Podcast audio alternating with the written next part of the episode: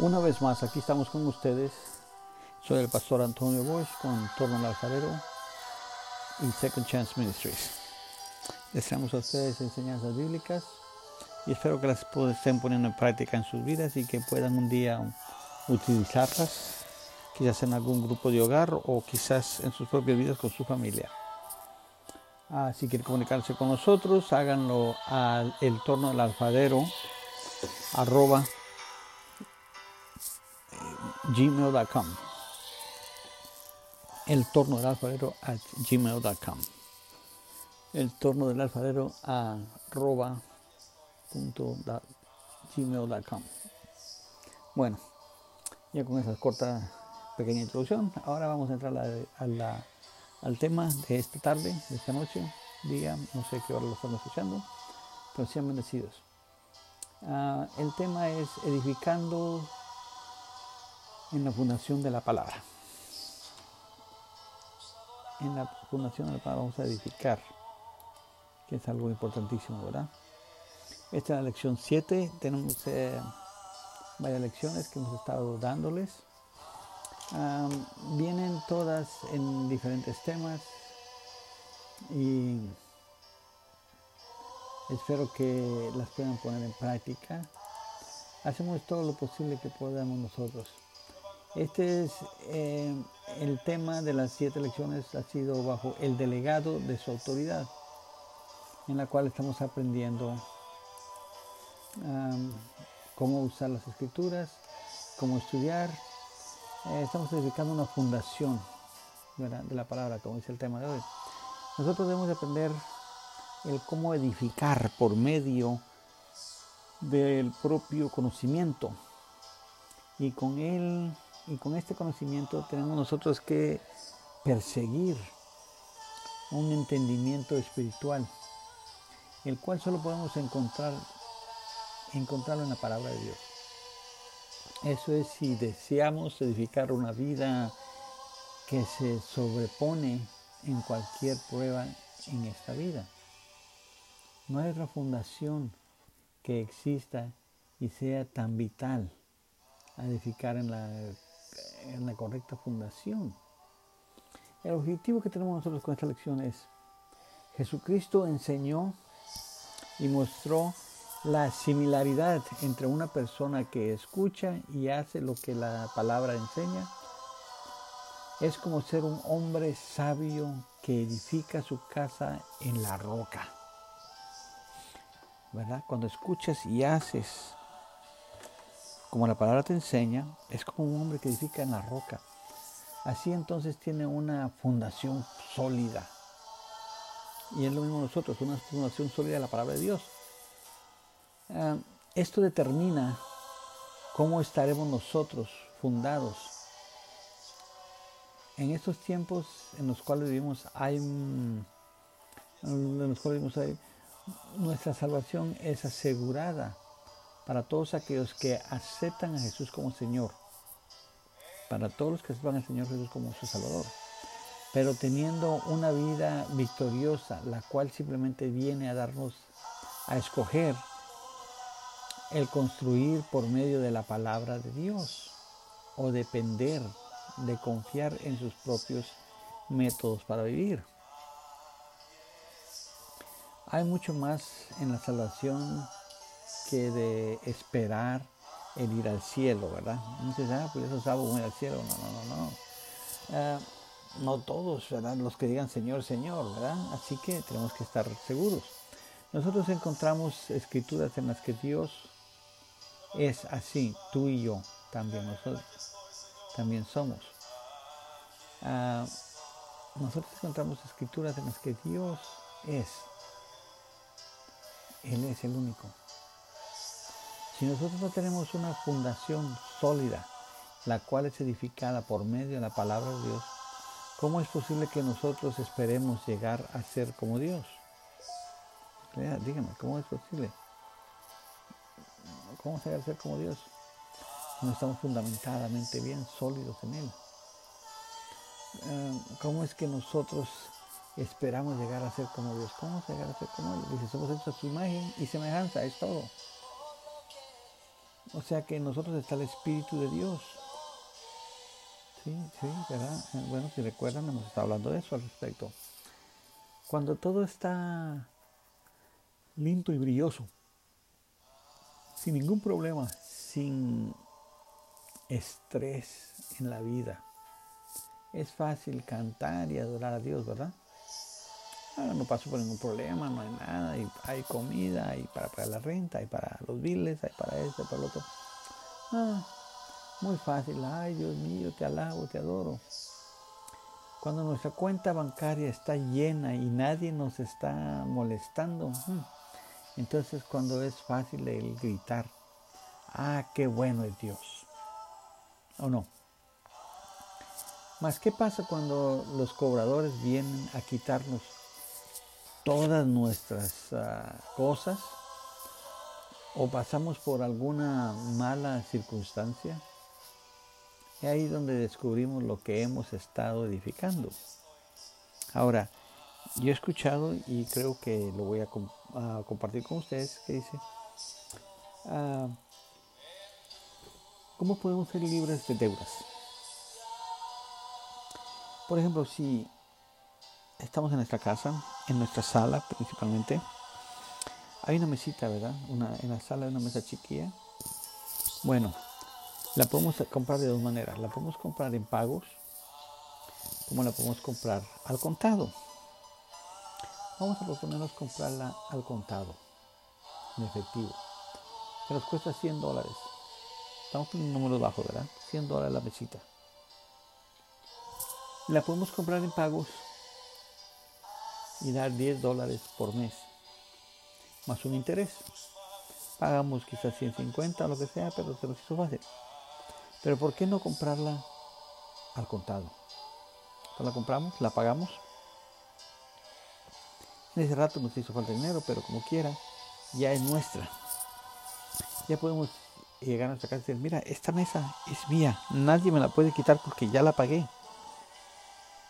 Y así podemos hacerlo con nuestros muebles poco a poco, hasta comprarlo todo completamente y pagarlo todo al contado. Si bien el cobrador no te lo puede quitar porque ya está pagado. Lo mismo hizo Jesucristo morir en la cruz. Pagó por ti y por mí. Como pagó con su sangre, con su muerte. El enemigo ya no puede venir a reclamar lo que no es de él, porque ya Cristo, aleluya, ya Cristo pagó el precio y ahora somos de Él. ¿Qué nos puede quitar el cobrador? Nada.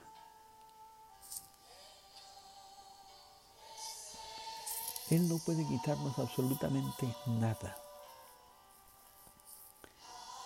Ah, así que regresemos es así donde descubrimos lo que hemos estado edificando, ¿verdad? En pocas palabras, ¿qué es lo que tú estás haciendo con la palabra de Dios ahora? ¿Qué es lo que estás haciendo? ¿Y en qué has puesto tu fe? ¿En dónde has puesto tu fe? Siempre es ah, trágico el escuchar al tipo de pastores o maestros que promueven la idea. Cuando una persona está pasando por ah, catastróficos eventos y dicen que Dios el que les está haciendo pasar por esto y que Dios les está enseñando una lección. No. ¿Cómo hacer eso? Esto es completamente las palabras más ridículas que pueden salir de los labios de un llamado ministro del Evangelio. Ellos necesitan el regresar al Calvario y comprender lo que la salvación ha hecho por uno de nosotros. ¿Verdad? ¿Qué le hemos llamado Señor a nuestro Señor por haber muerto? Tú no podrás encontrar en ningún lugar de la palabra de Dios en la cual nos ha sido dicho de que tenemos que sufrir por Dios. Victoria en el eh, que tenemos que sufrir, nosotros por, Dios, no. La victoria en el caballo es victoria sobre todos nuestros adversarios. y asignamientos del adversario.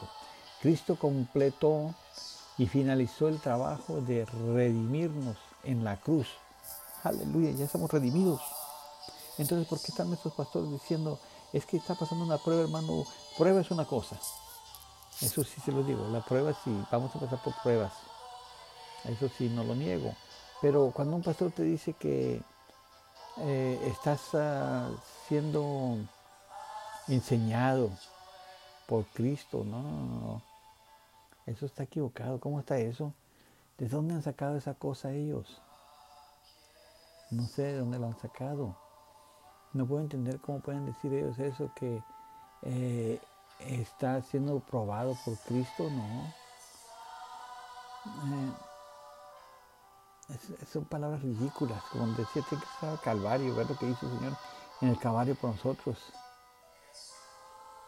Ah, nosotros lo hemos llamado Señor a Él.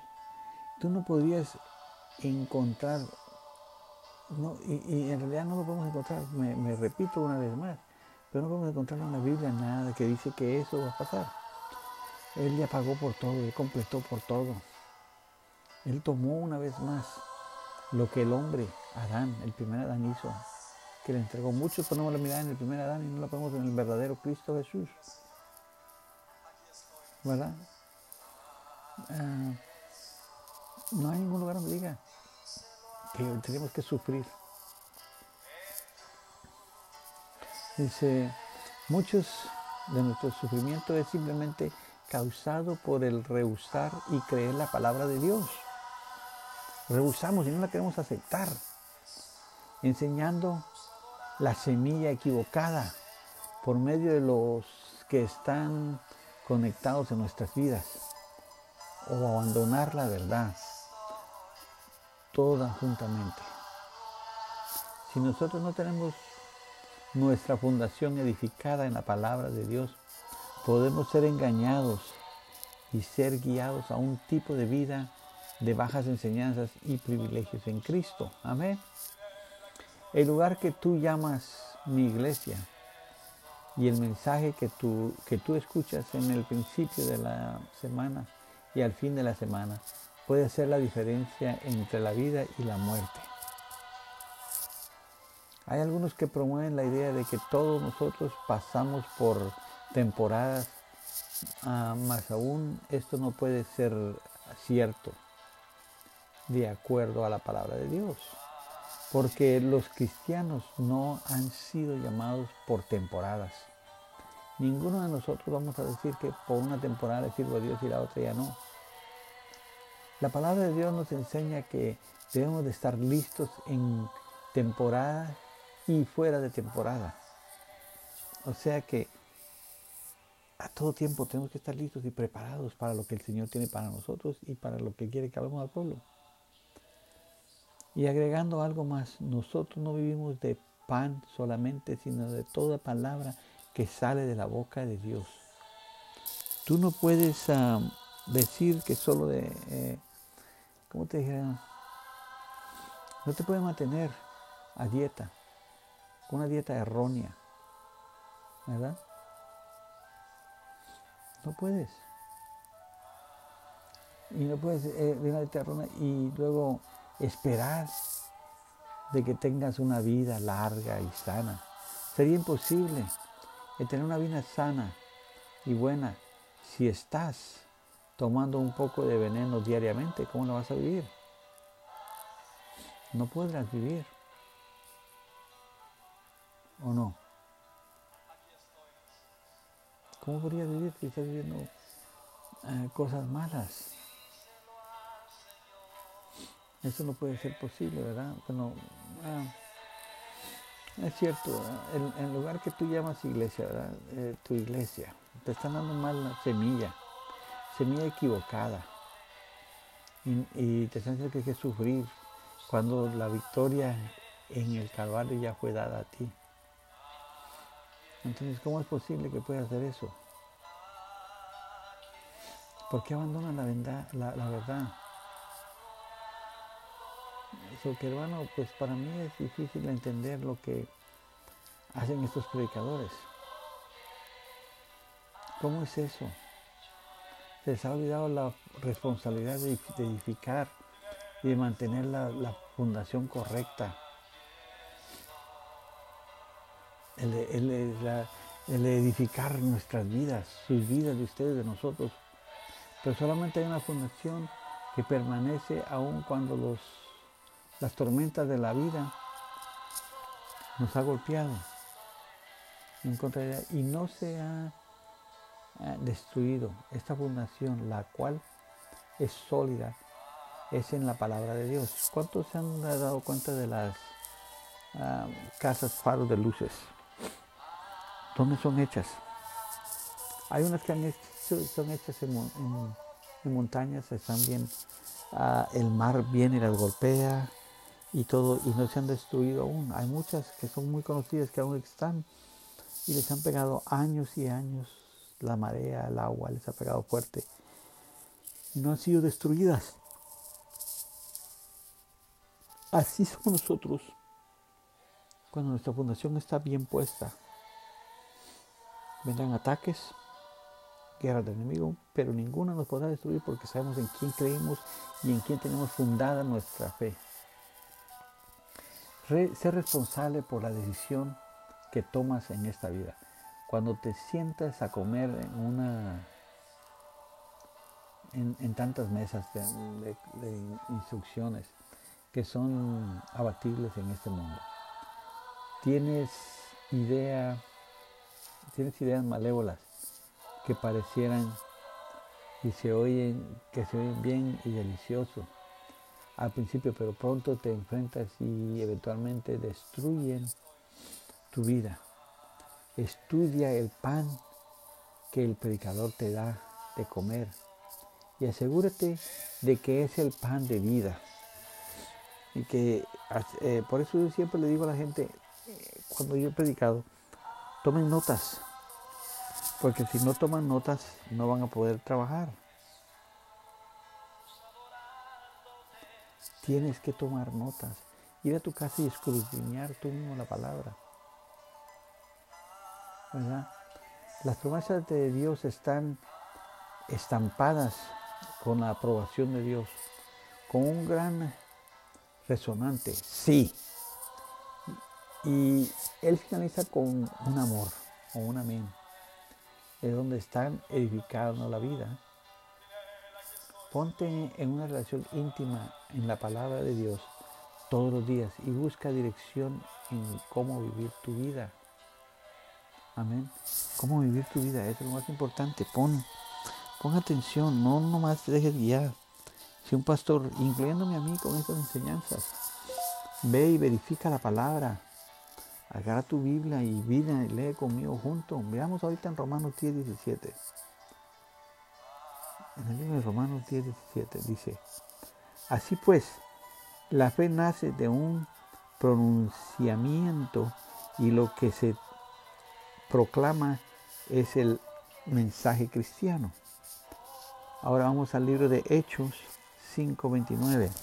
Pedro y los apóstoles respondieron, hay que obedecer a Dios antes que a los hombres. Amén. ¿Sí o no? ¿Cómo te lo creen? En el, libro de Hechos 6, 1 al 7 dice, por aquellos días, perdón, por aquellos días como el número de los discípulos iba en aumento, hubo quejas de los llamados helenistas contra los llamados hebreos, porque según ellos sus viudas eran tratadas con negligencia en la atención de cada, cada día. El 2. Los dos se reunieron la asamblea de los discípulos y le dijeron, no, se, no es correcto que nosotros descuidemos la palabra de Dios por hacernos cargo de las mesas. Por lo tanto, hermanos, elijan entre ustedes a siete hombres de buena fama, llenos del espíritu y sabiduría. Les confiaremos esta tarea. ¿Se dan cuenta? Llenos del Espíritu Santo, eh, conocidos mediante que todo pero tenía que estar lleno del Espíritu Santo, si no, pues creo que sin estar lleno del Espíritu Santo no se puede hacer nada, ¿verdad? Porque ellos sí estaban predicando la palabra, tenían que ser sabios, llenos del Espíritu Santo, y, para que confiaran este trabajo. Mientras que nosotros nos dedicaremos de lleno a la oración y al ministerio de la palabra. Toda la asamblea estuvo de acuerdo y eligieron a Esteban, hombre lleno de fe, Espíritu Santo, a Felipe, Procoro, Nicador, Nicanor, eh, Timón, Parmenas, Nicolás, que era un proselito de Antioquía. Antioquía. Los presentaron a los apóstoles quienes se pusieron en oración y les impusieron las manos. La palabra de Dios se difunda. El número de los discípulos en Jerusalén aumentaba considerablemente e incluso en buen grupo de sacerdotes había aceptado la fe. O sea que se predicaban, los predicadores se dedicaban a lo que era de predicar. No podían estar atendiendo a los ancianos o a las mujeres, dando las mesas, haciéndolo todo. No, delegaron su autoridad a alguien más. Vamos a Timoteo 2, segunda de Timoteo 4, 2. Predica la palabra, insiste a tiempo y a desatiempo, rebatiendo, amenazando o aconsejando. Siempre con paciencia y deja, dejando una doctrina. En el 3, pues, pues llegará un tiempo que los hombres ya no soportará la sana doctrina, sino que se burlarán maestros a su gusto, habéis hábiles en captar su atención. ¿Se imaginan? El Salmo 119, 1 dice, no, perdón, 119, dice, en mi corazón escribí tu palabra para, para pecar contra ti, para no pecar contra ti, perdón. En mi corazón escribí tu palabra para no pecar en contra de ti. Es lo que debemos de hacer. Escribir la palabra del Señor en nuestro corazón para que así no cometamos pecados ni errores en contra de Dios. Porque mis hermanos, con estos pensamientos cortos los dejo. Una vez más les repito, no estoy acostumbrado a hacer este tipo de grabaciones y a veces me equivoco un poco, pero ah, es diferente para mí el ministrar en, en congregación como es hablar aquí por medio de la radio solamente o de las ondas radiales o podcast. Pero quiero que sepan que lo hago con amor y corazón. Espero que puedan poner en práctica estas enseñanzas de sus vidas. A mí me sirve el recordarme una vez más de las promesas de Dios en mi vida. No, qué hermoso es eso. Así que bueno, los dejo en esta noche, en esta tarde o esta mañana, no sé qué hora es. Aquí estamos desde la ciudad de Dallas, Texas. Si quiere mandarnos un correo electrónico, hágalo a el torno del alfarero arroba.com. El torno del alfarero arroba.com. I'm sorry. El torno del alfarero. Es uno, el torno del alfarero at gmail.com. El torno del alfarero a gmail.com. Una vez más, el torno del alfarero a gmail.com. El torno del alfarero arroba a gmail.com. Espero recibir sus mensajes de parte de ustedes. Y aquí terminamos uh, nuestra última lección en este uh, Mm. Ah, como les dijera yo, en este sector, que era el llamado, el delegado de su palabra. Esta es, e, esta es la primera lección que tenemos, el delegado de su palabra, que es el más sencillo y simple. Ah, tenemos otros más que cubren seis lecciones en la siguiente y así consecutivamente iremos tratando de darles todas las, la autoridad que tenemos en Cristo, nuestra divina posición en Cristo. Tenemos la serie de abundante fe, transformando la mente, eh, que es lo que tenemos que hacer, ¿verdad? Transformar nuestra mente. Y tenemos que cambiarla. Las siguientes lecciones será el título del folder que les tenemos será Nuestra Divina Posición. Así que esperamos una vez más. Comuníquese con nosotros, que el Señor nos los bendiga.